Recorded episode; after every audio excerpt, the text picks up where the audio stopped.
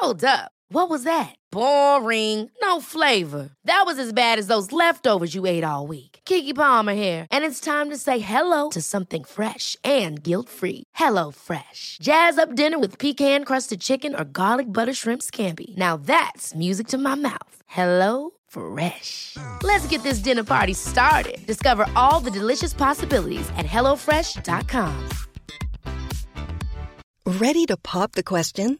The jewelers at BlueNile.com have got sparkle down to a science with beautiful lab grown diamonds worthy of your most brilliant moments. Their lab grown diamonds are independently graded and guaranteed identical to natural diamonds, and they're ready to ship to your door. Go to BlueNile.com and use promo code LISTEN to get $50 off your purchase of $500 or more. That's code LISTEN at BlueNile.com for $50 off. BlueNile.com code LISTEN. Hey, it's Ryan Reynolds, and I'm here with Keith, co star of my upcoming film, If, only in theaters, May 17th. Do you want to tell people the big news?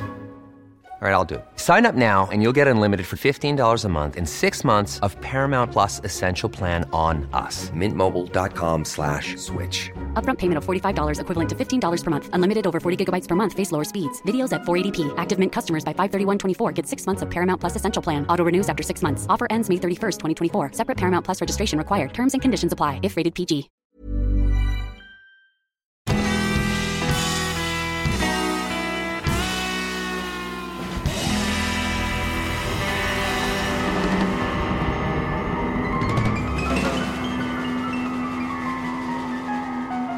Hej allihopa och välkomna tillbaka till ett nytt avsnitt av Ståpäls. Och det är ju som vanligt jag, Lukas, och på andra sidan har jag... Ida!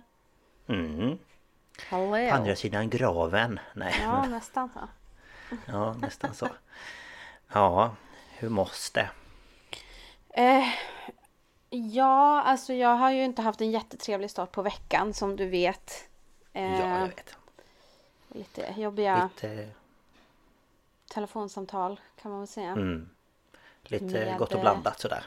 Med eh, totalt känslokalla myndigheter. Kan, så kan jag väl säga. Ja, det är en bra summering. Sen förutom det så är ju Det går i perioder när mina visdomständer får för sig att röra på sig och då svullnar ju tandköttet runt där upp och så blir man lite så här. Ja men man känner det när man typ sväljer och liksom Mm. och sådär. Men eh, annars är det väl OK med dig då. Mm. Jo då, det är full rulle så att säga. Eh, Jag eh, ja, var ju sjuk hela förra veckan som ni kanske hörde. Ehm, Och det sitter fortfarande kvar lite i, om jag känner mig liksom tjock i näsan och halsen och hostar lite till och från och ja, lite sådär. Så att ehm, lite låg skulle jag vilja säga. Men annars så, nej det rullar väl på som vanligt. Jobbar och har mig. Så att, eh, ja, så är det. Ja, det rullar väl på Mm. med allting nu. Har väl allting liksom så här nya termin och sånt där kommit igång helt och hållet. Och... Ja, vi hade ju föräldramöte igår. Det var trevligt. Det var nästan alla föräldrar, alltså till alla barnen som var där. Så att eh, det var nog nästan rekord för min del. Det brukar alltid vara Ja. några som inte kommer eller sådär men på min sida Ja, de, var har, det de har inte 16 läst av... infon och missat det och Ja, gud de- allt vad de kan skylla Ja. på. Ja men precis. Nej så att eh, Det var trevligt tycker jag. Så att Mm. eh, då känner man att terminen är igång när man har haft sådana där möten och sånt. Ja men det kan jag tänka mig. Mm. Så att ja, nej så är det. Mm. Och Ja. idag så ska vi ju prata om något som jag tycker är spännande i varje fall. Ja, ja, jag vet att du tycker väldigt mycket om det här ämnet. Ja, Jag har ju valt en sekt till den Mm. här veckan. Eh, vi försöker ju som sagt att hålla det lite blandat och liksom mm. sådär. Så jag valde Sådär, att, att prata om en sekt. Eller liksom Mm. sektliknande sällskap. Ja. Som de säger i podden sekter. Här pratar vi om sekter och sektliknande sällskap. ja precis. ja, det... Ja. Jag lyssnade på... Men var inte det... Vad blev det för mord? När de eh, hade den här livepodden nu i Jo. Stockholm. Jo, När de, när de var, då de sa att det var en sekt. ja Att precis. deras liksom eh, Following. Ja, fans, ja, en liten sekt. Ja, herregud. Ja, ja. Ja, nej men så är det. Så att eh, jag tänker väl att ska vi hoppa in i det kanske på en gång. Ja, för det kommer ta en liten stund att gå igenom allt så att eh, Mm. det är nog lika bra. Då gör vi så. Ja.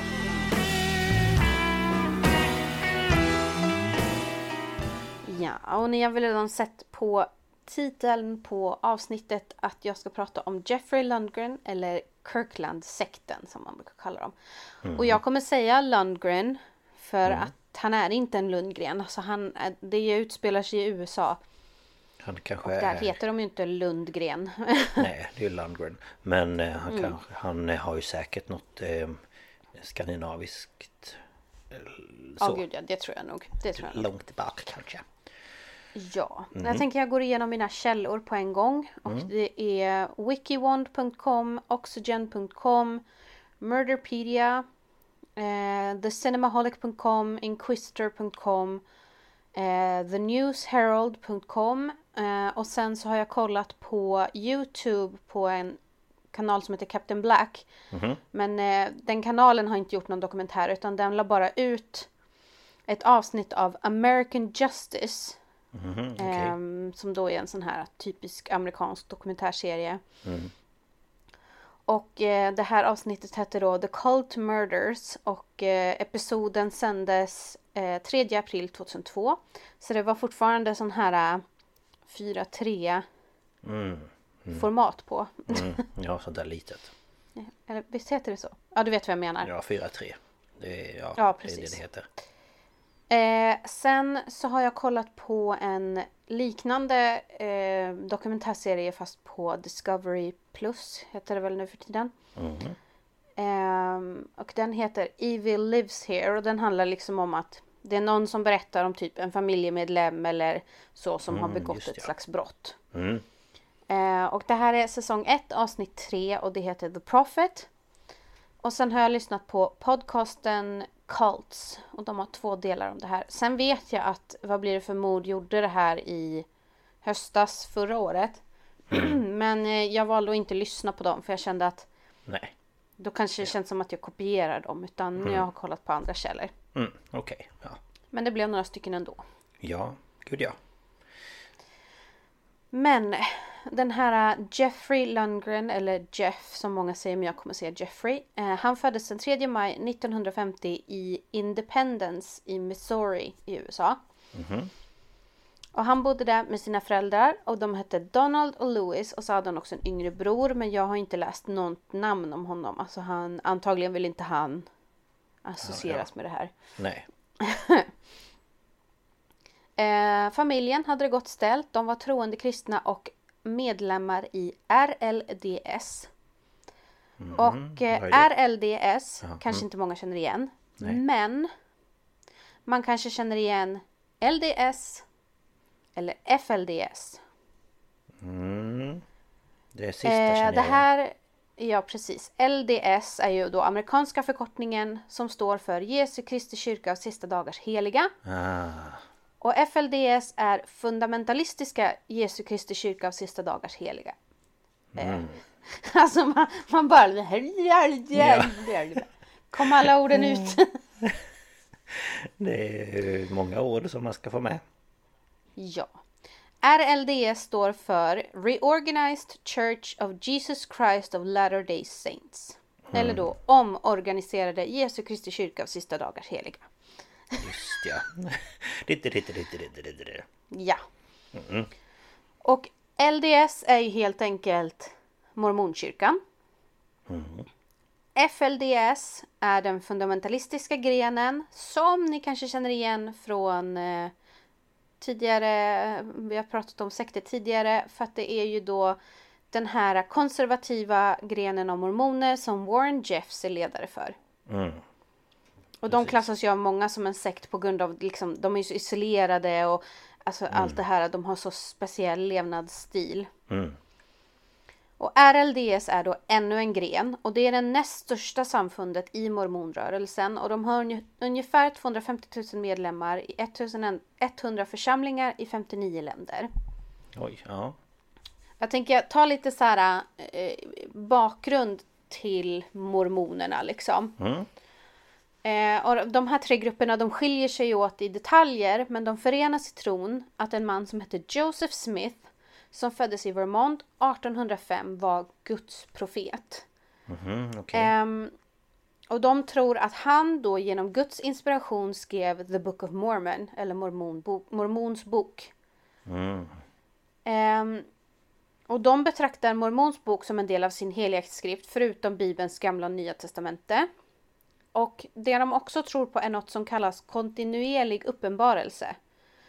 Eh, och det här spelar en stor roll i, i vårat fall som vi pratar om idag. Men det är i alla fall tanken att Gud eller hans liksom gudomliga agenter kontinuerligt interagerar med människor och ger dem uppenbarelser. Okej, ja. Och det här kan komma i form av inflytande från den helige andens syner eller liksom då att gudomliga agenter som änglar och så kommer och besöker en. Eh, och det här, den här ideologin har ju liksom både positiva och negativa konsekvenser, det fattar man ju. Ja, ja, ja. Såklart. Ehm, inom mormonism eller mormonreligionen så har det funnits meningsskiljaktigheter om huruvida någon är eller inte är en Guds profet. Okej. Alltså vem som helst kan ju inte bara eh, enligt vissa då säga att Gud har pratat med dem medan vissa säger att det kan det visst vara. Mhm, Okej, ja. Ehm, så det har alltid rådigt lite meningsskiljaktigheter. Men Joseph Smith, han hade i alla fall samlat eh, flera hundra anhängare i både Ohio och Missouri. Och man, det sägs då att den här, eller vad man vet så startade han liksom mormonrörelsen i Kirtland i Ohio. Men Independence i Missouri var platsen där han hävdade att mormonerna liksom skulle etablera sig för det var där Kristus skulle göra sin andra ankomst. Så det var där som Jesus då skulle komma ner till jorden igen. Ja, ja, ja. Okej. Eh, Det var alltså i Independence i Missouri. Mm, okej. Men när de då flyttade dit så var de inte alltid välkomnade. Eh, och 1834 när mormonerna i Independence stod inför förföljelse från icke-troende så fick då den här Smith en viktig profetia där han sa att Gud hade besökt honom och sa, och det här är ett citat och jag har det på engelska. I will raise up unto my people a man who shall lead them like Moses led the children of Israel.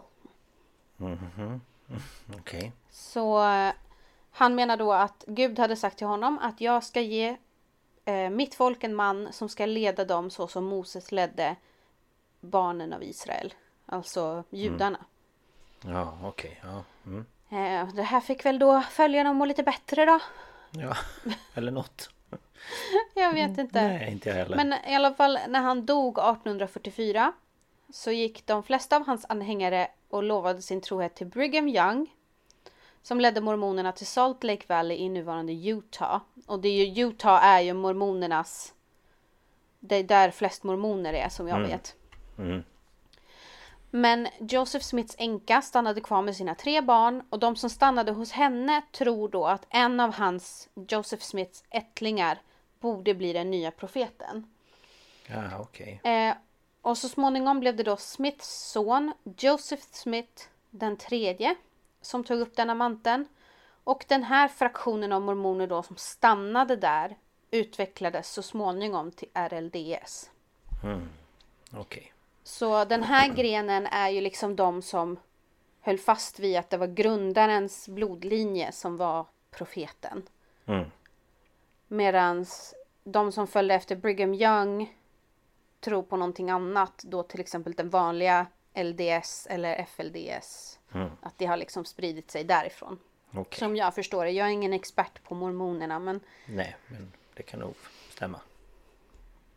jag kände bara vi behövde ha en liten historielektion här för de som kanske inte känner till så mycket. Nej, men men eh, då vet vi väl liksom vad mormons mormontron liksom är baserat på. Och hur den funkar. Men nu har vi haft historielektion och så hoppar vi tillbaka då igen. Jeffrey Lundgrens, eller Lundgrens föräldrar Donald och Lois var då högt uppsatta med, medlemmar i RLDS. Och pappa Donald var till och med en av kyrkans äldste.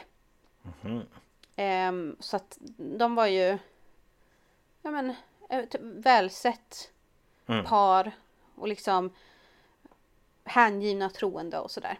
Ja. Men eh, trots det här så var Jeffrey inte särskilt troende men han fick ju vackert följa med i kyrkan och där ska han sagt att folk satt och grät av lycka för sin kontakt med Gud och så vidare. Eh, och jag, jag har ju varit med om sånt där first hand. Det var inte mormoner utan det var en frikyrka. Eh, och, blir känner man inte den så tycker man att det är väldigt obekvämt och Jo, sådär. men det blir ju obekvämt i ett sånt liksom sammanhang när man är ensam känner att vad är det här som pågår Mm. just nu? Och så får man liksom lite spela med. Bara okej, ja. Mm, Ja.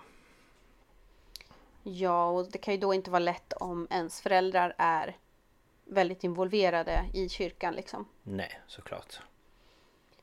Ehm, han beskrev sin mamma som kall och kontrollerande och mer intresserad av sitt utseende än sina barns välfärd. Jag vet inte om det här stämmer, det är vad han har sagt. Mm, okej. Och pappan han är ju då väldigt troende, ganska sträng, barsk, liksom så. Mm.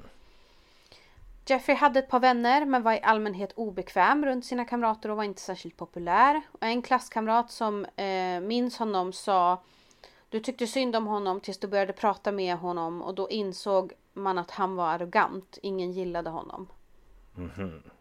Så det var inte så att han liksom var ensam för att eh, Ja, vissa kan man ju bara känna att man inte leker med av någon anledning. Men ja, Nej, han hade tydligen lite taskig attityd. jaha okej. Mm. Han var inte särskilt atletisk men han bestämde sig för att han ville imponera på sin pappa och tränade och tränade och tränade. Han ville väl få sin pappas godkännande på något sätt. Och eh, sista året så var han stark och atletisk nog att spela shortstop för baseballlaget. Och fråga mig inte vad en shortstop gör. Det vet inte jag. Nej du. Ingen aning. Baseball är inte ett ämne jag kan någonting om. Nej, jag vet inte det, om det är någon som springer eller om det är någon som fångar bollen eller om det är någon har som ingen aning. kastar Han eh, eller... tränade så han blev shortstop i alla fall. Ja, okej. det är bra. Efter gymnasiet som vi säger då high school så gick han, började han på Central Missouri State University i Warrensburg, Missouri. Och det här är en sekulär skola, alltså den är inte den är inte en, en kristen skola eller så utan det är en vanlig skola. Mm, okej. Men det hade ett stort, eh, det fanns ett stort antal mormonstudenter eftersom den bara ligger en timme ifrån Independence där då Joseph Smith sa att Kristus skulle dyka upp igen. Mm.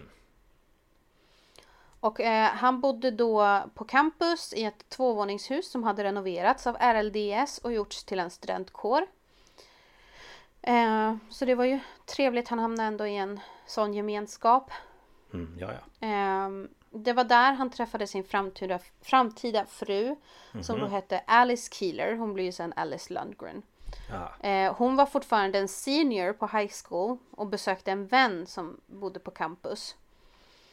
Eh, och hon kom ifrån en, en fattig men troende familj. Eh, och de pratade och insåg att de delade ju samma bakgrund i kyrkan.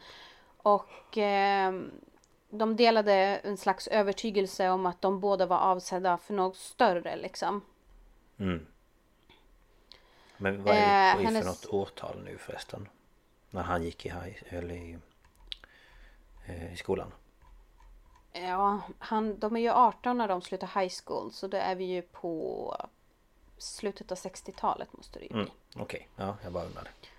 Ehm, men i alla fall då, Alice hon är, hon är ju senior på, på high school så hon är ju ett år yngre. Mm. Ehm, men eh, hennes syster sa att hon alltid var väldigt bortskämd och hon har sagt citat Alice ville alltid vara i centrum för uppmärksamhet. Hon älskade att vara i rampljuset och i kyrkan var hon på center stage. Okej. Och hon var en sann troende på kyrkans lärdomar och hon tror till och med att hon har haft ett möte med djävulen när hon var tonåring. Oj. Och det här mötet gjorde henne tillfälligt förlamad och det var inte förrän hon, hon ropade Kristi namn som hon kunde röra sig igen. Ja du, Jag tror att ser. det kan ha varit en sömnparalys ja. Eller Det- bara en mardröm. Kan ha varit en sömnparalys ja. Men när hon berättade om sin prövning i kyrkan gjorde den här kampen med djävulen henne bara mer omtyckt och respekterad. Och en av kyrkans äldste berättade till och med för henne att Gud hade gett honom ett budskap om hennes framtida make och han sa citat.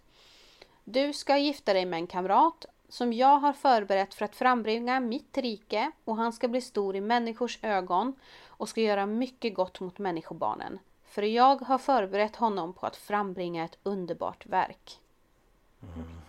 Det var vad Gud hade sagt då. Okej, ja. Och när hon träffade Jeffrey så var hon inte bara övertygad om att eh, det var mannen hon hade fått då förutsagt skulle komma utan hon trodde också att han var profeten som Joseph Smith, alltså grundaren av mormonismen, hade förutsagt skulle komma. Så de börjar ju dejta och eh, hans han var ju väldigt romantisk och liksom så. eh, Men de här eh, ouvertyrerna var redan blandade med, med kontrollerande inslag. Så han kunde överösa henne med rosor och liksom eskortera henne mellan lektioner. Samtidigt som han också skulle säga åt henne när hon skulle sova, vad hon skulle ha på sig och ja, Ja, lite styrande sådär. ja lite bara. Ehm, det här är ju ett beteende som skulle ha fått många eh, tjejer att bara wow. Men Alice, det, hon tyckte bara att det gjorde att hon var speciell. Mm, Okej. Och bara en, en grej som eh, hon har berättat om och som hennes klasskamrater har berättat om är un, en gång under en kemilektion så ser Alice Jeffrey stå utanför och titta på henne genom ett fönster och han bara stod där och stirrade på henne. Men gud. Men hon tyckte bara så här, åh gud vad gullig, han och tittar på mig. Nej men jag hade ju fått lite så här Lite panik skulle jag ju fått. Vad, vad Lite. är det som händer? Varför står du och tittar där? Ja, Nej. ja jättekonstigt. Ja. Men eh, de var ju stört förälskade i varandra, alltså nästan till ett, eh, en slags besatthet av varandra. Och de vill, visste ju att deras framtid låg i varandra. Mm. Men eh, äktenskap var ingalunda en säker sak. För att Alice var bara 18 och Jeffrey var ju 19 och i Missouri 1969 så betyder det att Jeffrey enligt lag behöver sina föräldrars tillstånd för att gifta sig. och han visste att hans föräldrar kommer inte att acceptera Alice. Helt enkelt på grund av att hon kommer ifrån en fattigare familj och brist på status inom kyrkan. Mhm. Okej, ja det är väl viktigt kan jag tänka mig. Ja, jag antar det. Speciellt för dem då. Mm. Men eh, under tiden som Tiden går ju och deras förhållande blir mer och mer intensivt och de blir mer och mer besatta av varandra till den gräns att de inte går på lektioner längre. Men hon lyckas ändå klara av skolan men Jeffrey hoppar av. Så hon liksom lyckades ju ta sig igenom high school och, och ta examen men han kunde inte fokusera sig på college. Nej. Men eh, de, de tänkte jag, men vi vill ju gifta oss med varann och nu måste vi ta tag i det här. Så under ett lov så presenterar han Alice för sina föräldrar. Och han fick ju sina farhågor bekräftade och de hatade henne. Jaså? Japp. Eh, så att eh, han kände väl sina föräldrar ganska väl ändå då. Jo, det måste han ju ha gjort då men... Ja. Vad ska man göra då? Ja, ja precis. Ja. Eh, våren 1970 så inser de att Alice är gravid. Mm, Okej. Och nu har ju inte föräldrarna något annat val än att godkänna giftermålet. Men eh, de ska ha varit rosenrasande bokstavligt talat. Det är Men, nog eh, ganska det går galet ju det där. Att, eh, att eh, liksom status och sånt kan spela in så himla mycket. Men det gör ju Ja. det tyvärr. Men att det ändå... Ja. Alltså man, man kunde ju tänkt att det räckte att hon var en sån hängiven mormon själv. Ja.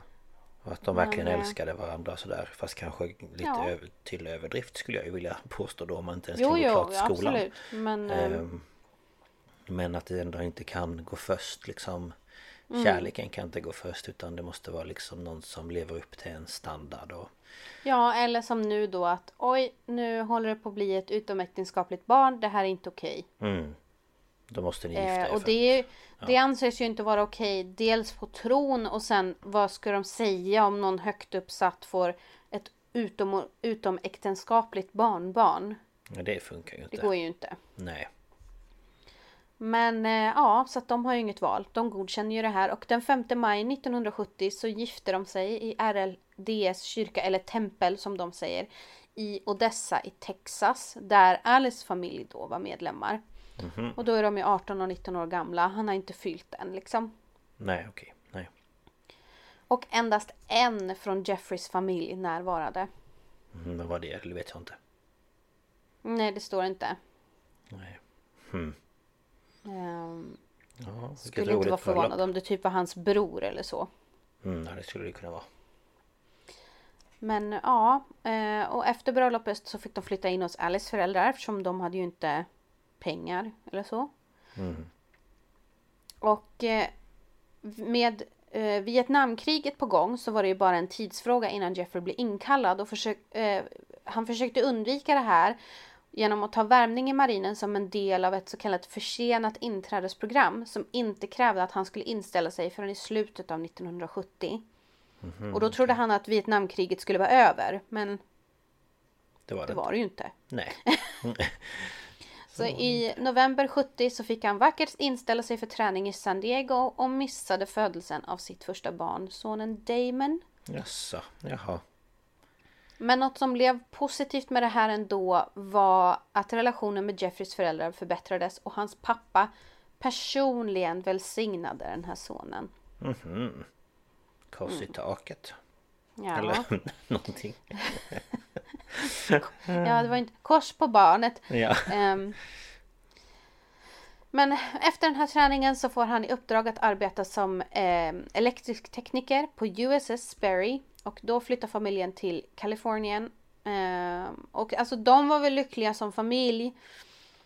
Men det var inte så lätt för dem och lyckligt på det sättet att ingen av dem hade särskilt bra hand med pengar. Så det var också mycket bråk om det. Och så fanns det lite andra problem och enligt Alice så var hennes make då besatt av sex. Och det var ju inte hon. Nej. Men eh, hon gjorde ju i stort sett allt för honom. Men eh, det var mycket bråk om det också. Mm, Okej, ja Så det är väl lite så här sisådär liksom. Ja, inte jättestabilt kanske alla gånger Nej. Men eh, nu hoppar vi fram till våren 72. Nu är han 21. Och han blir posterad på ett krigsfartyg som ska till Vietnam. Ehm, Alice flyttar med Damon tillbaka till Jeffreys föräldrars hus. Nu fick hon flytta in hos dem. Och det är i Vietnam som Jeffrey liksom får någon slags nytändning i sin kontakt med Gud kan man väl säga. Mm. För han läser heliga skriften varje dag och försöker ta reda på varför Gud inte har kommunicerat med honom som den har gjort med andra. Till exempel då hans fru. mm, Okej Eh, Men så, så en dag så blir hans skepp USS Charlton attackerat av vietnameserna och på något sätt så motstår fartyget bombardemanget och Jeffrey han tar åt sig det här och säger det var, det var jag eh, som, som skyddade hela besättningen. För citat, Gud hade visat mig ett tecken på att han hade skyddat skeppet för han ville inte att jag skulle dö i Vietnam. Okej Ja, alltså visst är du jättetroende så kan du ju säkert tro så Alltså Mm, Ja, ja, Men det var liksom, där fick han sitt svar menade han. jag förstår Men så han överlever ju och kommer tillbaka i januari 73. Eh, som då en meriterad och medaljklädd marinbesättningsman och nu då väldigt hängiven mormon. Eh, och han hade fått utmärkta, eh, vad ska man säga, credentials, alltså eh, omtalanden eller vad ska man säga, från sina överordnade officerare. Ja, utlåtanden eller Ja, men han fick bra betyg eller vad man ska säga. Eh, och han övervägde att stanna i marinen som liksom en karriär. Men eh, han beslutade sig slutligen på grund av skyldigheten gentemot sin familj att inte fullfölja detta för det skulle ju göra att han kanske inte är hemma och liksom så. Nej, såklart Ehm, Jeffrey, Alice och Damon flyttar in hos en familjevän som heter Louise. Och hon ska senare ha sagt att hon kände att Jeffrey var i färd med att göra Alice till precis vad han ville att hon skulle vara. Han ville kontrollera varje del av hennes liv och hon gav honom den kontrollen i utbyte mot hans kärlek. Och Jeffrey var så kontrollerande att Alice inte ens kunde använda telefonen utan hans tillstånd. Oj. Ja. Det är ju...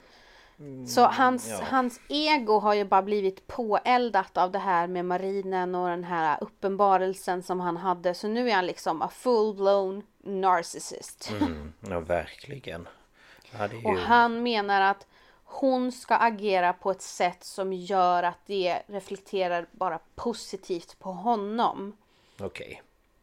För gör hon någonting fel då kommer ju det reflektera tillbaka på honom som att han har gjort något fel. Okej, ja. Så, mm. ja. Det låter stabilt. Och Alice hon tror ju att det här är den här behandlingen som han utsatte henne för var föreskriven av Bibeln och det var hennes jobb att liksom tjäna sin make. Men eh, han blir utskickad på lite fler uppdrag för militären och under eh, den sista touren som de säger eh, 1973 så blev han för första gången riktigt medveten om hur övertygande han kunde vara. För han var bunkmates, alltså han delade sån här, eh, vad heter det, våningssäng kan man väl säga. Med en man som hette Kevin Curry. Och Kevin han var en sån här eh, typisk soldat, levde lite riskabelt, carefree. Och varje gång de eh, eh, la till i hamn så gick han direkt till närmaste bordell. Eh, Oj, så ja. en, en, mansgris. Mm, ja, Ehm, verkligen. Eh, och han tyckte att Jeffrey var udda eftersom han var så tyst och allvarlig och alltid satt med Bibeln och mormons bok. Men han blev gradvis nyfiken på Jeffrey och Jeffrey liksom berättade ju för honom och höll på och läste. Han var expert på att ta citat ur Bibeln.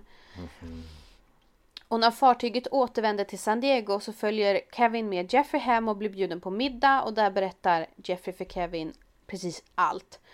Eh, och den här, alltså om kyrkan. Och han berättar om en till upplevelse han hade till sjöss. För han hävdade att Satan hade skickat ett moln som växte till formen av en hand. Och den här handen knuffade nästan Jeffrey över bord och då ropade han Gode Gud, rädda mig, befria mig och då försvann det här molnet. Du är inte säker på att du hade rökt på något? Eller ätit en liten svamp kanske? Eller något sånt. ja, okej. Jeffrey sa att den enda förklaringen till den här händelsen var att det måste finnas en anledning till varför Gud räddar honom och varför Satan vill ha honom död. Och det här gjorde Kevin fascinerad. Och det slutade med att han stannade hos eh, familjen Lundgren eh, under en lång tid. Och i slutet av 74 så lät han sig döpas. Okej. Men eh, Jeffreys liksom tjänstgöringstid hos marinen var nu slut. Och då bestämde han sig för att återvända till Missouri och säger hej då till Kevin för stunden. Ja.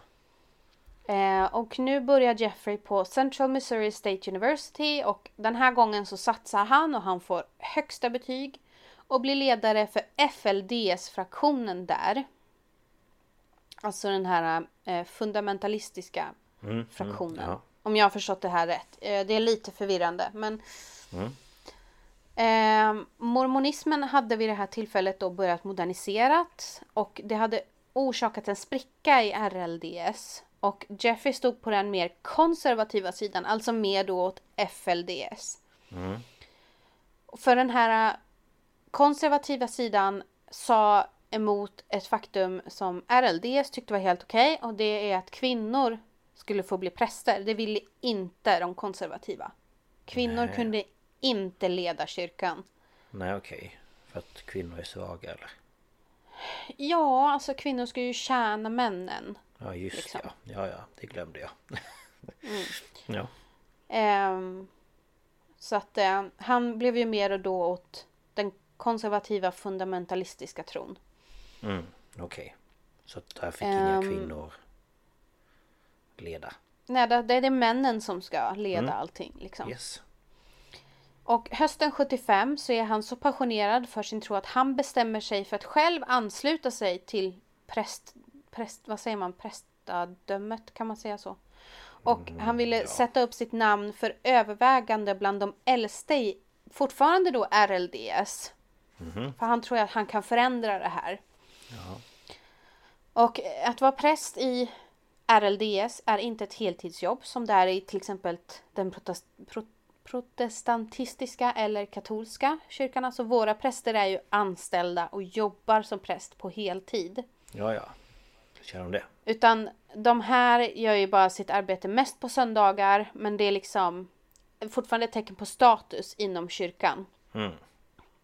Och han blir också ombedd att hjälpa till att undervisa en kurs vid universitetet. Eh, trots att han fortfarande bara gick grundutbildning. Och eh, ja, men han kör ju på och nu fick han ett lån av medlemmar. Eh, han och Alice så att de kunde köpa ett hus.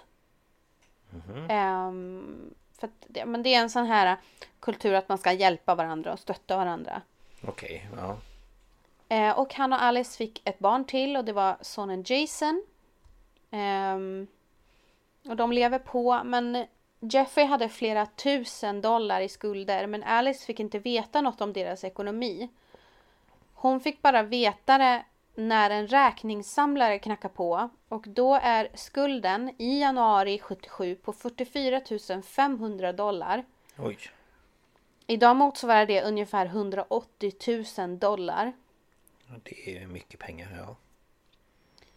Eh, och nu i samband med det här så slutar han i skolan trots att han nästan tjänat tillräckligt med poäng för att ta examen igen. Han skyller på Alice, hon skyller på honom. Ehm, men det visar sig också att han blir påkommen med att stjäla pengar ifrån skolan. Och det här gör att han nekas att bli präst i RLDS. Och det här gör honom så upprörd att han och hans familj säger upp medlemskapet i RLDS helt och hållet. Jaså, jaha. Mm. Han kunde inte ta det. Men det är ju hans eget fel. Oh ja, Men, men är eh, det ska inte spela någon roll för han är ju Guds utvalda. Menar han. Ja men just ja. Ja det var han ju. Mm. Ja. Ja då är det inte lätt. Nej, Nej. men ehm, Alice blir gravid igen våren 79. Ja, men Och då kommer han pengar. hem. Ja men alltså det här är ju fantastiskt. Ehm, då kommer han hem och berättar att han har fått ett jobb hos TWA som är ett flygbolag och han ska vara en del av inspektionsbesättningen som inspekterar eh, fartyget nu du, eh, flygplanet Ja. inför flygning. Mm. Och tiden går men alltså hon börjar märka lite konstiga saker. Alltså typ saker i huset börjar försvinna. Jeffrey kommer aldrig hem samma tid varje dag. Nej. Och eh, det uppdagas mer när polisen kommer hem en till dem en dag. För att då visar det sig att han har ljugit om jobbet. Nej men. Han har inte kunnat säkra någon anställning. Hyran är försenad och han har skrivit en falsk check för att han ville köpa en pistol. Men alltså. Åh. De blir av med boende igen. Mm. Och eh, Alice mamma tillåter dem, antagligen pappan också men ja, eh, de eh, tillåter dem att flytta in hos dem. Okej. Och lördagen den 16 juni 79 så föder, de, föder då Alice deras tredje barn och det är en dotter som heter Kristen. Och eh, Jeffrey fick nu jobb på ett sjukhus för att försörja familjen och de hyr en gammal bondgård. Och under denna tid har han en affär med en kvinna som också arbetar på sjukhuset. Men alltså. Ja det går bra för honom känner jag. Life is full of what ifs. Some awesome, like what if AI could fold your laundry? And some, well, less awesome, like what if you have unexpected medical costs? United Healthcare can help get you covered with Health Protector Guard fixed indemnity insurance plans. They supplement your primary plan to help you manage out of pocket costs. No deductibles, no enrollment periods, and especially no more what ifs. Visit uh1.com to find the Health Protector Guard plan for you. Hey, it's Ryan Reynolds, and I'm here with Keith, co star of my upcoming film, If, only in theaters, May 17th. Do you want to tell people the big news? All right, I'll do. it. Sign up now and you'll get unlimited for $15 a month in six months of Paramount Plus Essential Plan on us. Mintmobile.com slash switch. Upfront payment of $45 equivalent to $15 per month. Unlimited over 40 gigabytes per month. Face lower speeds. Videos at 480p. Active Mint customers by 531.24 get six months of Paramount Plus Essential Plan. Auto renews after six months. Offer ends May 31st, 2024. Separate Paramount Plus registration required. Terms and conditions apply if rated PG. Ja, och vi, det det är liksom inte the end. Det här ledde till ett stort bråk hemma och Jeffrey knuffar Alice så hårt mot ett dörrhandtag att hennes mjälte sprack. Nej men gud. Och hans övergrepp slutade inte där utan när hon har kommit hem, ligger sängliggande under smärtstillande så har han sex med henne medan hon var typ medvetslös. Nej men. Vad fan. Så hon blir gravid igen. Mm. Och fö- föder så småningom deras fjärde och sista barn Caleb i september 80. Okej. Tror du att eh, det går bra nu? Nej det tror jag inte. Nej. Det går inte bra alls. För att han fortsätter att skriva falska checkar. Eller falska, de är bad checks. Alltså han har inte... Det finns inte tillräckligt med pengar på kontot när de ska casha ut. Nej okej så att det går inte att dra några pengar liksom. Nej men precis, för de har ju checksystem. Vi har, vi har inte riktigt haft samma system här i Sverige. Utan, Nej. ehm, men tänk att du försöker betala en räkning och så har du inte pengar på kontot. Ja, ja men precis. Det går inte. Ehm, men han skriver, fortsätter skriva såna här checkar och de sparkas ut från gården och får än en gång flytta in hos Alice föräldrar. De måste ju tänka vad är det som pågår? Ja men alltså de vill väl bara hjälpa sina barnbarn. Ja såklart, men jag menar de måste ju ändå tänka så här varför kan ni aldrig ha ett, eh, ett boende liksom? Vad är det som gör Mm. Ja, jag tror ju säkert att inte han var deras favoritperson på jorden. Nej, och det roliga var ju att eh, hon var ju inte hans föräldrars favoritperson på jorden heller. Nej, att, nej. ja, Men det är inte slut än, för han får ju senare sparken från sjukhuset efter att han och hans älskarinna ertappats med att ha sex på kontoret. men alltså. Stoppa in den där jävla skiten och låt den vara där. Ja, herregud. Man bara, kan du inte bara sköta ett jobb? Herregud. Ja, nej. Mm, nej. Men eh, 82 så får han ett fast jobb i Independence, alltså staden då, som biomedicinsk tekniker och familjen flyttar dit. Och för första gången på länge har de liksom en disponibel inkomst. Mhm. Men vad gör Jeffrey då? Han eh, köper knark. Nej. Han köper gevär. Nej men. För han vill få en bättre vapensamling än sin pappa. Ja, för det är ju jätteviktigt. Oj då. Ja. Det är bättre att köpa vapen än att ta hand om sin familj, vet du. Ja. Mm. Förstår inte vad du menar. Och då betala räkningar har jag aldrig gjort i hela mitt liv. Nej, precis. Jag tror inte den här karln har gjort det faktiskt. Nej, det verkar inte så. Men han får sparken. Mhm. Han har haft Och sex med någon sedan- annan nu eller? Nej, Nej. men ehm, han får sparken och sen från två andra jobb efter det för att han stjäl. Jaha. Eh, Så han kommer aldrig, han kommer inte ha ett jobb efter det här. Nej okej. Det här var sista. ja, precis. Alltså det är ingen som vill anställa honom. Nej, det är ju Men eh, lustigt. Till slut så ordineras han till präst i oktober 83, 33 år gammal. Och då hade han sin första predikan och han läste en serie bibelverser om hur Gud skulle straffa de ogudaktiga medlem, medlemmarna i kyrkan.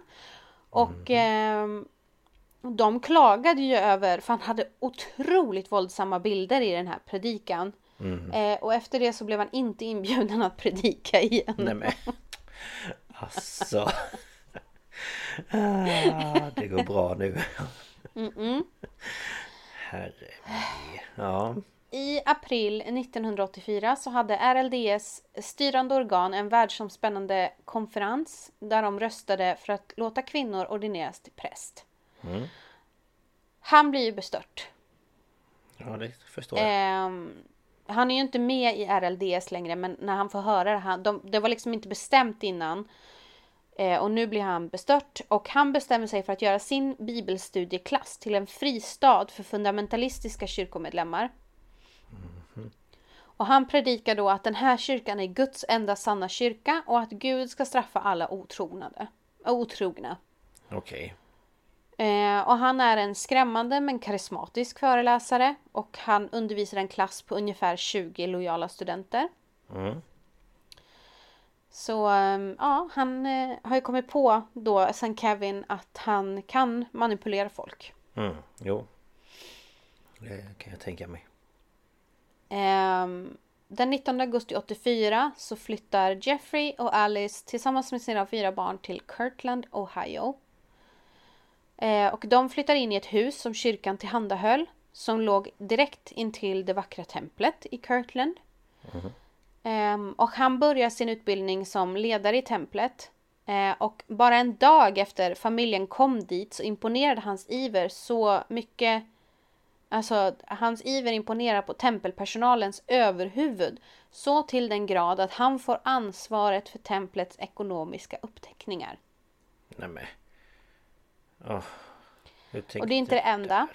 Förutom detta så ska han ta hand om försäljningen i deras besöksbutik. Men alltså alla de pengarna kommer ju komma ner i hans fickor. Det fattar ju vem som helst. Ja. Men eh, man får tänka det här är liksom på den tiden där man liksom saker, man kunde ju bara flytta och så kunde man börja om. Ja. Det var inget som liksom registrerades på det sättet. Nej. Nej. Nej. Det här är ingenting han får lön för. Men det gör ju att han blir en högt uppsatt medlem i församlingen liksom. Mm. Jo det blev det ju. Eh, och nu är vi på januari 1985 och då kommer Kevin och flyttar in hos ehm, Jeffrey och Alice. Ja, för att han vill komma närmare Jeffrey och lära av honom. Mm. Eh, och han eh, gick också med på att överlämna hela sin lönecheck varje månad direkt, direkt till Jeffrey. Alla inkomster han hade skulle han ge direkt till Jeffrey. Alla sparade pengar ska gå till Jeffrey. Och det Oj gjorde han. Aha. Eh, och Kevin fick också göra hushållssysslor, hushållssysslor samtidigt som han jobbar heltid. Aha. Mm. Eh, som tack då, kan man säga. Men vad fasen du, han ger ju honom alla hans pengar. Inte det tack nog? Tydligen inte. Nej okej. Eh, mer och mer personer kommer och Jeffrey tar dem under sina vingar och de här lämnar också över sina pengar. Och i februari 87 har han rekryterat eh, Dennis och Tanya Patrick, Greg Winship och Daniel, Dennis och Cheryl Avery till gruppen. Okej så nu är Eh, de men sex stycken eller? jag vuxna... Två... Ja, precis. Ja. Mm. Ja, men det, och så är det ju några barn också, men oftast räknar man bara de vuxna. Ja ja. Mm. Ehm, och han hatar familjen Avery. Jaså? Varför kan man undra? Ehm, Ja varför? Kan du gissa? För att, Varför hatar han dem? för att det är en kvinna? Nej. Jo, det är alltså Cheryl som är den som bestämmer i familjen. Och han Jaha. ser Denny som den värsta sortens man som alltid är undergiven sin fru. Och det är inte bra. Ehm, så får det inte vara förstår du. Nej, Nej. nej det går inte. Ehm, Jeffrey gjorde ständigt narr av familjen Avery och en, en ny medlem, han var ny. Eh, han hette Richard. För det kommer nya hela tiden. Han får in nya hela tiden. Eh, han hörde honom en gång säga till Alice att den enda anledningen till att familjen Avery var där var citat så jag kan få deras pengar. Okej, ja. Såklart. Han håller nu privata lektioner för sina följare och hans eh, 16-årige, nu 16-årige son Damon är med. Eh, Damon. Ehm, och alla anhängare bodde antingen med familjen eller väldigt nära. Okej. Och vid, det här, vid den här tidpunkten så förväntas alla kalla Jeffrey för pappa och Alice för mamma. Det är då det börjar gå ut för. Det kommer gå mer ut för. För våren 87 så börjar Jeffrey hävda att han med hjälp av Gud ska bestämma vilka som ska gifta sig med varandra. Och han tänker inte så mycket på om hans följare är nöjda med hans matchning utan det här är ju Guds vilja. Så att, eh, Ja, det är ju skoj. Och till slut så är det slut med arbete i kyrkan. Inte på grund av hans extrema eh, predikan eller liksom läror eller så. Utan i juli 87 så gjorde man en revision av templets finanser och då märker man att det saknas nästan 21 000 dollar. Mhm. Vad konstigt. Konstigt. Undrar vad de har tagit vägen.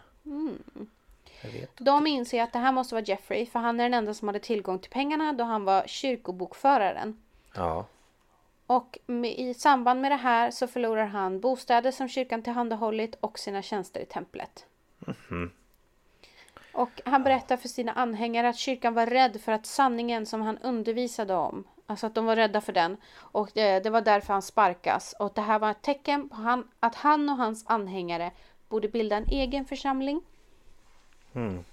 Ja, eller så är det ett tecken på att det du gör Du är inte helt jävla alls, dum i huvudet. Ja, att det du gör inte alls är en bra grej helt enkelt. Nej. Nej. Man, man kan ju inte Men, ehm, lära sig av sina misstag. Han får i alla fall med sig folk. Va- Jag, jag förstår samtidigt som jag inte förstår. Alltså man blir ju så... Människor är ju väldigt lätta att manipulera. Jo, speciellt om de har liksom samma troende eller samma liksom Ja, någonting. Eh, och med hjälp av alla pengar som hans anhängare då ger honom så kan de i slutet av september hyra en bondgård på 8671 Chardon Road i Kirkland. Kirtland, inte Kirkland utan Kirtland. Som Kurt. Eh, K-I-R-T. Jaha, Kurt. Okej, ja. Mm. Kirtland. Okej, mm, då är jag med. Eh, jag är så nära på att säga Kirkland hela tiden och det är en helt annan ort. Det är det ja, precis. Kirkland. Men den här bondgården, där skulle han bo med sin familj, Kevin, Richard, Danny, eh, Danny och Sharon och The Patricks. Och The Averys och de nya anhängarna Ron och Susie skulle bo i ena, egna lägenheter i närheten. Men de skulle fortfarande ekonomiskt stötta gruppen. Okej. Mm.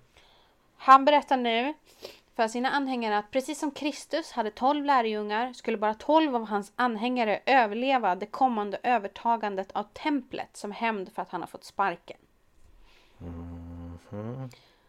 Vid den här tidpunkten så innebär det här att ungefär hälften av gruppen kommer dö. Ja, det låter ju jättebra.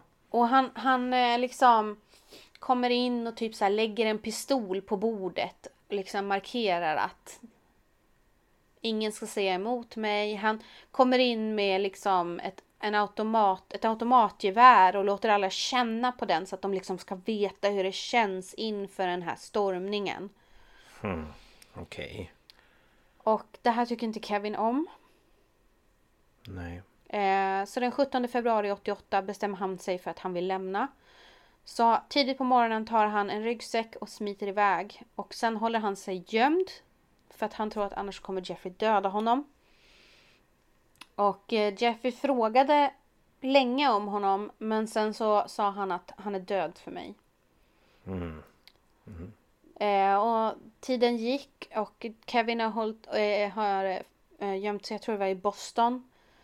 Eh, men han kan längre inte hålla tyst om den här stormningen och den ska ske på um, Jeffreys födelsedag. Eh, För han vet att många kommer att dö, så han ringer FBI. Och den här agenten som han pratar med avfärdar honom och tycker inte att han är särskilt trovärdig. Men han ringer ändå till Kirtlands polischef och bara Kan inte du bara kolla lite de här, de ska göra Ja. något konstigt, jag vet Det låter lite konstigt det här men... Ehm, vi flyttar till september 88. Då har flera medlemmar hoppat av. Så nu är den här stormningen av templet avblåst. Men Jeffrey känner att han måste återta kontrollen så han berättar för sina anhängare som för närvarande är 29 stycken inklusive barn. Att han har konsulterat den heliga skriften och Gud och fått fram att han ska kunna för, för att han ska kunna föra sina anhängare inför Gud så behöver han få kraft. Jo, ja. Och för att få den här nämnda kraften så är han tvungen att döda de ogudaktiga och offra dem till Gud som blodsoffer. Nu, börjar vi, nu börjar vi tappa kristendomens bas här. Nu börjar det gå lite väl utför kan jag känna. Jeffrey sa också att det onda folket måste komma från, från hans egen jord och det var klart för Jeffrey vilka de onda i hans jord var. Mm. Nämligen familjen Avery. Ja, ja såklart. Och Gud har satt en tidsgräns på det här. De har sex månader på sig, vilket betyder att tiden är slut i april 89. Varför nu Gud skulle sätta en tidsgräns vet inte jag. Varför ens Gud skulle säga att han ska göra det här. Alltså det är så mycket man bara, men vad pratar du om? Ja, alltså jag känner att min hjärna bara, eh, va? Eh, försöker hänga med i alla svängar men man blir så här varför, Nej men ja, alltså han tappade skulle- ju, han tappade ju fullständigt. Ja men jag känner också varför skulle han ha en tidsgräns på sex månader? Jag tänker... Ja, jag vet. Alltså det är, det är så ologiskt. Det är så ologiskt. Man bara nu, nu tycker jag du kan gå och lägga dig någonstans. Ja. Nej, men ja. Han börjar nu tillbringa nästan all tid de närmaste månaderna med att övertala sina följare och göra dem vana vid tanken på mord. Och i slutet av mars 89 så är de ombord. Ingen som är syndig kan möta Gud. Det var liksom mottot. Mm. Och i slutet av mars så berättar Jeffrey för anhängarna om ännu en ny skrämmande uppenbarelse. För nu har han fått veta att han måste offra fler människor än bara familjen Avery. Oj För Gud har nu sagt till honom att han är tvungen att döda tio av sina anhängare. Jaså. Men familjen Avery är bara fem. Ja, det var ju inte bra. Det här är ju helt enkelt bara en taktik för att så rädsla Ja, ja, ja. Och göra alla ännu mer rädda för att lämna eller säga emot. För att de blir ju livrädda och de gör ju allt för att behaga honom och undkomma liksom det som väntar familjen Avery. Mm. Ja, såklart. Och nu kommer vi till det som har gjort hela den här gruppen kända. Mm. För klockan 10 på morgonen den 17 april ringer Greg Winship till Red Roof Inn i Kirtland för att göra en bokning under Dennis Averys namn. Klockan 18 samma kväll anländer familjen Avery till bondgården för att äta middag. Och eh, Jeffrey ber mamma Cheryl att skriva ett brev till sin mamma och förklara att de ska ut och resa ett tag och de behöver inte vara oroliga. Alice lämnar bondgården och åker till det här rummet som de har bokat i Dennis namn med eh, ehm, Caleb, Jason och Chris... Vad fan hette hon? Catherine Kristen. Eh, d- Deras tre yngre barn i alla fall. Mm. Eh, och Jeffrey samlar Rob, Greg, Richard, Danny och sonen Damon i sitt sovrum. Det här är hans favoriter och det här är de han litar på. Och han går igenom allt och alla säger att de är redo och går ut i ladan och gräver ett hål. Gräver ett hål, sa du det? Ja. Mhm, ja. Ehm, Dennis, mamma, alltså pappa Dennis, mamma Cheryl och döttrarna Trina, Becky och Karen. De sitter kvar i matrummet och bara ursäkta, vad har alla tagit vägen? Mm. Vad är det som händer? Alla har ju bara gått liksom. Vi hade ju köttfärslimpa. Nej men ju äta mat, hallå? Den blir kall. eh, Ron kommer då in och säger eh, Dennis du ska följa med ut i ladan för Jeffrey vill prata med dig. Eh, och han reser sig upp och går ut och när de kliver in i ladan så skjuter Ron honom med en elpistol. Resten av männen övermannar honom och binder honom, honom med silvertejp. De kastar honom i det här hålet och Jeffrey tar fram sin 45 kalibriga pistol och skjuter två gånger rakt in i Dennis bröst. Men gudas skymning. Sen säger han till de andra så här, kom kom, samlas här. Och så säger han, kom och se vad döden är. Men alltså. Ja. Därefter går Ron in igen och eh, säger till mamma Cheryl, Jeffrey vill prata med dig. Eh, och när hon kommer in i ladan är det mörkt och hon ser inte den här gropen och hon vet ingenting om vad som har hänt. Nej, nej. Eh, och Ron säger lugnt att de ska sätta silvertejp runt hennes händer och över hennes ögon. Och hon är ju van att bara följa order utan att ifrågasätta. Så hon låter dem göra det här. Mm. Sen kastar de ner henne i gropen och hon har ingen aning om att hennes man är död bredvid henne. nej men usch, gudas skymning. Sedan går Jeffrey fram till kanten och skjuter henne. eh, med en annan pistol än han använt på Dennis. För han tänkte att han kommer döda många människor i apokalypsen så han ville testa olika skjutvapen. Ja, det, det är ju det man tänker på, tänker jag också. Att Oh ja, undra hur oh den ja. här funkar och den här kanske, den kanske är lite bättre. Eller vad tycker du? Mm, Ja, men typ.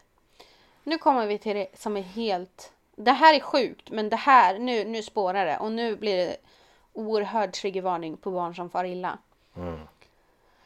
För nu går Ron in och hämtar barnen ett i taget och säger att deras föräldrar vill prata med dem. När var och en kommer in i ladan blir de bundna med silvertejp, placerade i gropen och skjutna av Jeffrey. Och han visar inga känslor. Nej. Förutom lite mild entusiasm för att han får testa sina olika vapen. Alltså, sjukare människor får man ju leta efter.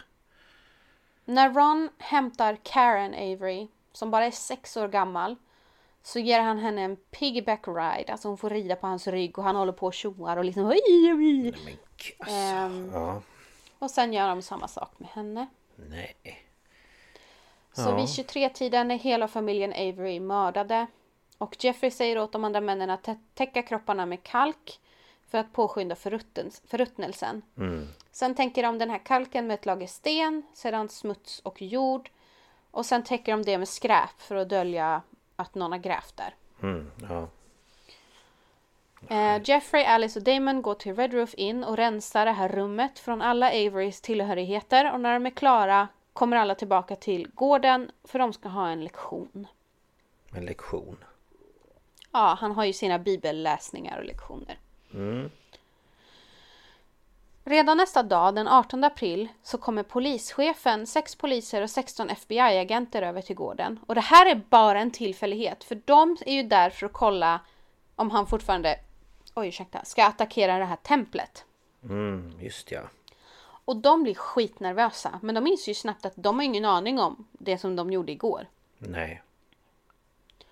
Men eh, man bestämmer sig för att här kan vi inte stanna. Så att strax före midnatt så åker familjen och eh, anhängarna och kör österut. Nu är de alltså 24 stycken inklusive barn. Eh, och Keith, ännu en medlem som tidigare har lämnat, kontaktar den 31 december 89. Alltså det är ändå långt efteråt. Ja, ja, ja. För han vet ju om vad som har hänt. Men han klarar inte av att hålla det här längre. Så han ringer till en agent vid Bureau of, of Alcohol, Tobacco and Firearms. Och berättar om morden. Och när polischefen i Kirtland gör sig redo för sitt nyårs, nyårsaftonsfirande så ringer en ATF-agent, alltså det är så de förkortar den här byrån. För att prata om, eh, om Keith då. Eh, för att han har intervjuat honom men han är ju så här, han är ju galen, vad fan snackar han om? Ja, ja. För hans berättelse är liksom om en familj som är mördad, begravd i en grop Ja. i en ladugård. Alltså det är så här, vad fan snackar du om? Ja, hur vet du detta liksom? Tycker de. Jag tycker ju att man all, alltid ska liksom Ja, behandla det som gud, att det har hänt. Liksom. Ja, ja, ja. Så han ber då polischefen som heter Yarborough att han, bara, kan inte du bara åka dit bara för att, bara för att lugna honom och säga att nej men det finns ingenting. Mm. Så klockan nio på morgonen den 3 januari efter att ha säkrat en husrannsakansorder åker då eh, polischef Yarborough och två av hans poliser till ladan. Och de går ju runt där och plockar massa skräp och efter många timmars bara så här eh, flyttande av skräp så hittar de den här platsen som har blivit utpekad. Mm. Och klockan 16 så hittar man då bevis för att någon har grävt där. Och vid 19-tiden kommer brandmän till platsen för att hjälpa till. Och nu har en fruktansvärd lukt spridit sig i ladan. alltså det- poliserna gick ut och spydde. Nej men gud, usch. Ja, men De arbetade i skift liksom för att Ja. lukten är så hemsk. Ja, men tänk dig själv alla de där kropparna som... Nej, fy. Usch, vilken syn. Klockan nio på kvällen hittar man den första kroppen och nästan morgon har man hittat alla familjemedlemmarna. Och barnens kroppar är så nedbrutna att man fick föra över dem till lakan för att kunna lyfta upp dem. Och den här polischef Yarborough han berättade i en intervju att håret ligger liksom löst. Alltså de så här, när de lyfter på kropparna så glider deras små flätor av. Och han sa han kommer aldrig kunna, Nej, usch, kunna glömma det. Fy. Ja, nej, vilken... Nej. Fruktansvärt. Så det här är ju big news och både Keith och Kevin sitter liksom där de är gömda och ser det här på nyheterna. Och natten till den 4 januari 1990 så hör Jeffrey om nyheterna på sitt hotellrum i San Diego. Mm. Och han samlar snabbt ihop alla som är kvar och kör till ett annat motell i Santa Fe. Där Alice checkar in dem under falska namn. Och de bestämmer sig också att nu måste vi ringa Alice mamma och be henne hämta barnen. Så att de inte ska behöva vara på rymmen med dem. Nej, såklart. Men polisen är inte dumma så de har ju satt avlyssning på Alice mammas telefon. Mhm. Och de stormar hennes hus innan hon kan åka någonstans. Mm. Eh, och eh, de håller på att intervjua henne och till slut så ringer Damon. För att dubbelkolla så här, hej mormor skulle du komma och hämta mina småsyskon? Och då kan de spåra honom tillbaka till motellet i Santa Fe. Mm. Smarta, smarta. Ja, så lördagen den 6 januari 1990 så är det ju griper ATF-agenter, jag tror de var typ åtta stycken som grep honom på trottoaren utanför det här motellet. Mm. Eh, De hoppar på Jeffrey, han kommer bara gå där. De bara "Ah!" Ehm, Stormar.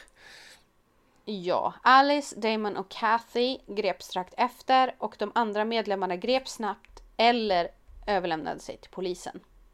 Alltså självmant. Ja. Mm. Eh, Jeffrey skulle åtalas för fem fall av grovt mord och Alice åtalades av- för fem fall av grovt brott. Eh, alltså så här, det är mord och människorov. Mm, Okej.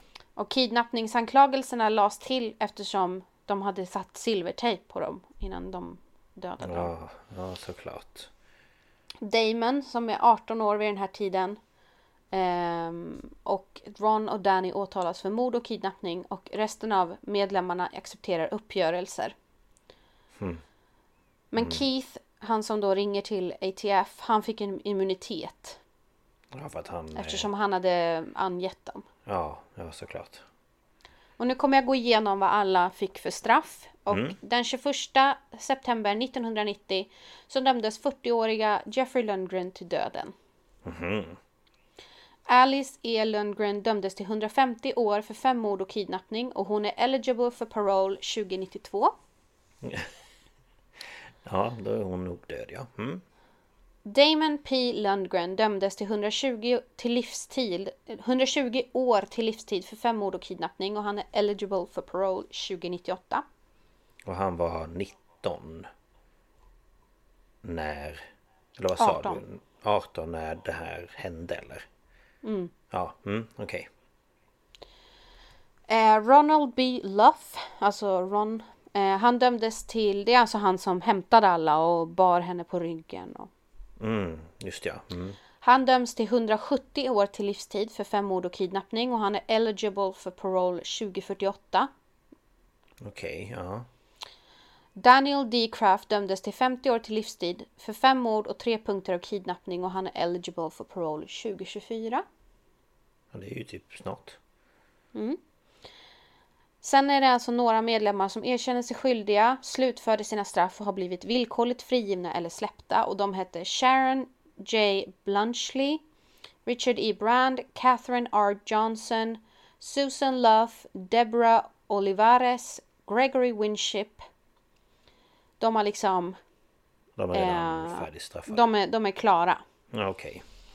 Sen har vi medlemmar som fick fängelse, eller som inte fick fängelse men då fick eh, probation eller liknande.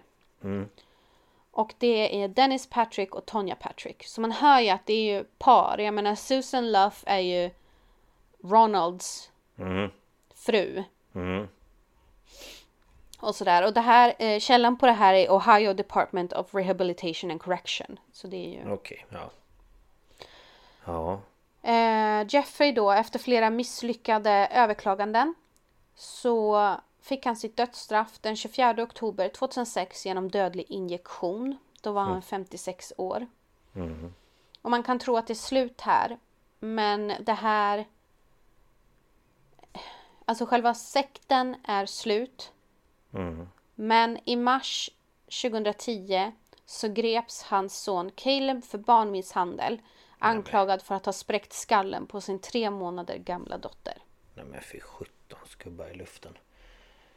Ja. Ja, okej. Mm. Sådan Så det far är- och sådan son. Historien om eh, Kirtland-sekten. Ja, tack. Det var... Det var en resa så att säga. Mm. Eh, fruktansvärt att man kan eh, göra sådana här saker. Mot Ja. oskyldiga människor. Som bara har Men, alltså anledningen att- till att de blev utpekade var ju för att de inte hade de traditionella könsrollerna i, i sitt Nej. äktenskap. Bara, Åh, en kvinna kan ju inte styra över sin man. Så hade, hade då den här Dennis tryckt ner sin fru och börjat bestämma hade det, hade det här aldrig hänt då? Ja det, ja, det vet man ju inte. Kanske att det Nej. inte hade hänt. Men... ehm, och det handlar ju inte om... Tycker jag i varje fall, religion. Nej. Ehm, alltså... Jag vet inte riktigt om det står någonstans kanske i och för sig att kvinnor inte ska... Nej, vad heter det? Bestämma Alltså jag tror inte att, jag tror inte att eh, det kanske står någonstans att kvinnor ska vara underdåniga men samtidigt så tror jag inte att det är någon mormon eller kristen av någon, något slag som eh, säger att det här var okej. Nej gud, det får man väl ändå hoppas. Alltså, Förutom de som gjorde det. Ja. ju- Alltså grejen är att Alice har ju blivit intervjuad i efterhand och hon förstår knappt själv hur, hur, det, här, hur det här kunde hända. Nej okej, nej. Nej ju Men. Jeff sa ju ända in i slutet att han inte gjorde något fel. Han ångrar inte det han gjorde för han gjorde vad Gud ville. Ja, och det är ju det som är problemet att det blir ju lätt Jag så har, att... jag har faktiskt ett citat nedskrivet på en lapp här som han Ja. sa i rätten. Jaha, ja. Jag är en av Guds profeter. Jag är mer än en profet. Jag är ingen falsk profet. Därför förtjänar jag inte straffet som yrkas av dem som söker min död. Okej, nej. Det sa han alltså i rätten. Mm. Och i rätten det finns inspelningar där han säger att jag ångrar inte det jag gjorde. Det jag gjorde var a command of God. Ja, alltså det är ju, det är ju detta som är... eh, Det som är problemet med... eh, Med... Jag har ingenting emot folk som är troende. Men när det går till sådana här längder Att man Ja. tolkar saker på helt galna sätt. Då är det ett problem.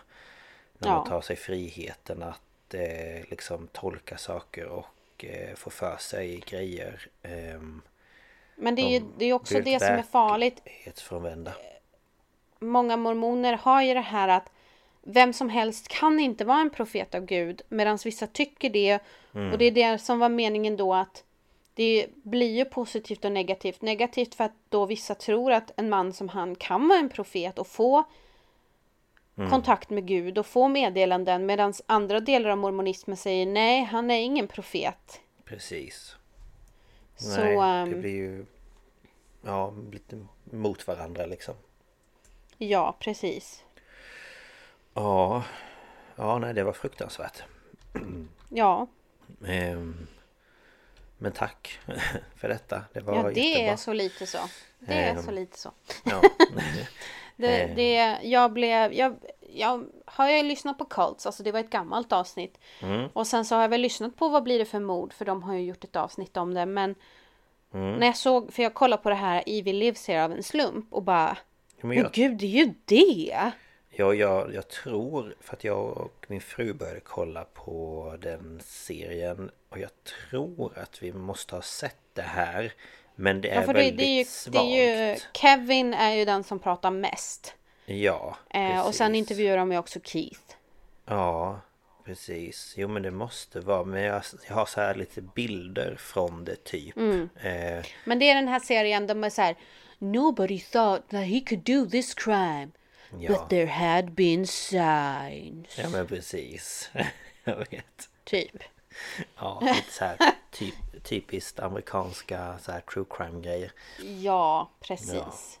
Eh, Men det är en väldigt, väldigt intressant eh, serie. Så jag kan, för er som har Discovery så är den, Mm. så är den eh, intressant. Jo men just att de intervjuar liksom eh, Det är ju eh, överlevande överlevande. eller anhöriga. Jag tyckte den var hemsk med eh, den här frun som blev eh, eh, Ja men eh, hennes man var jättekontrollerande och så tog mannen hem kvinnor. Mm, eh, när hon var, har du sett det med i sovrummet? Satt Ja. ju hon och hörde och sen så kom det typ någon man som skulle vaka över henne när hennes man var Mm. iväg och ja. Den var helt galen också. Det finns också ett avsnitt med eh, en av Warren Jeffs halvsyskon. Mhm. Så det finns ett avsnitt om FLDS också. Mhm. Jaså, Om man är intresserad av det. Ja. intressant. Så det är en av hans eh, halvbröder som berättar. Jaha, men det lät ju spännande. Mm. Ja, men eh, det var det för den här veckan helt enkelt. Eh, Ja. Ja, och eh, nästa vecka så är det ju som sagt min tur igen. Vi kör ju varannan Mm. vecka som sagt. Eh, och då ska jag prata om, ska vi se, alldeles strax. Man ska ha minne också, det är det. Ja det är ju det. Eh, ja vad bra att man hittar det då. Jo men här. Ja vad ska jag prata om? Hur vad ska jag benämna det som? Om en galning från eh, andra världskriget. Ja men galning, han är galen. Han är galen förstår ni. eh, ja ni får se. Det blir spännande i varje fall. Ja. Ja det är jag helt övertygad om. Ja. Eh, men vad kan man eh, nå oss? Ja, eh, det enklaste är ju att gå in på Instagram om man har Instagram och söka på Staphals podcast. Och så trycker man på följ och vi lägger upp eh, bilder som har med avsnittet att göra. Eh, försöker göra det varje vecka. Det är inte alltid man kanske har så mycket att visa. Nej. Men eh, någonting lägger vi ut så att man kan dela sina tankar och så om avsnittet. Man kan också skriva ett, ett meddelande till oss där. Men vill man ge oss tips så är det lättare att skriva på mejlen och det är staphalspodcast.gmail.com och den står i eh, profilen på Instagram och så tror jag att Lukas brukar skriva det i avsnittsbeskrivningen också. Ja, det gör jag. Varje, till varje avsnitt står det där. Mm. Så att eh, det är bara att kika där så hittar ni kontaktuppgifter och eh, vi tar ju alltid emot önskemål och sådär. Ja, visst gör vi det. Eh, mm. Men eh, ja, tack för att ni har lyssnat på det här avsnittet. Tack och tack. Så, Så ta hand om er hörni. Ja, Ja, ha det bra. det Hej då! Hej då!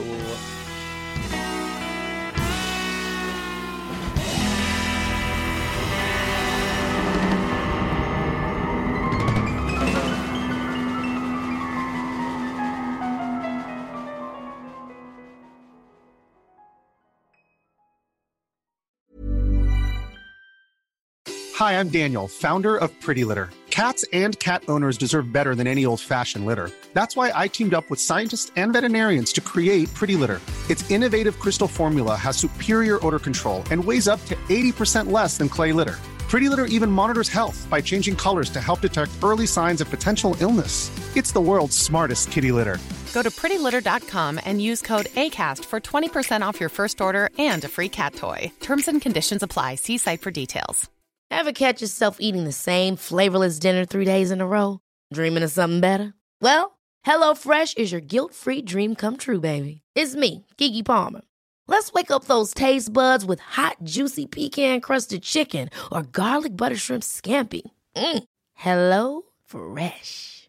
Stop dreaming of all the delicious possibilities and dig in at HelloFresh.com. Let's get this dinner party started.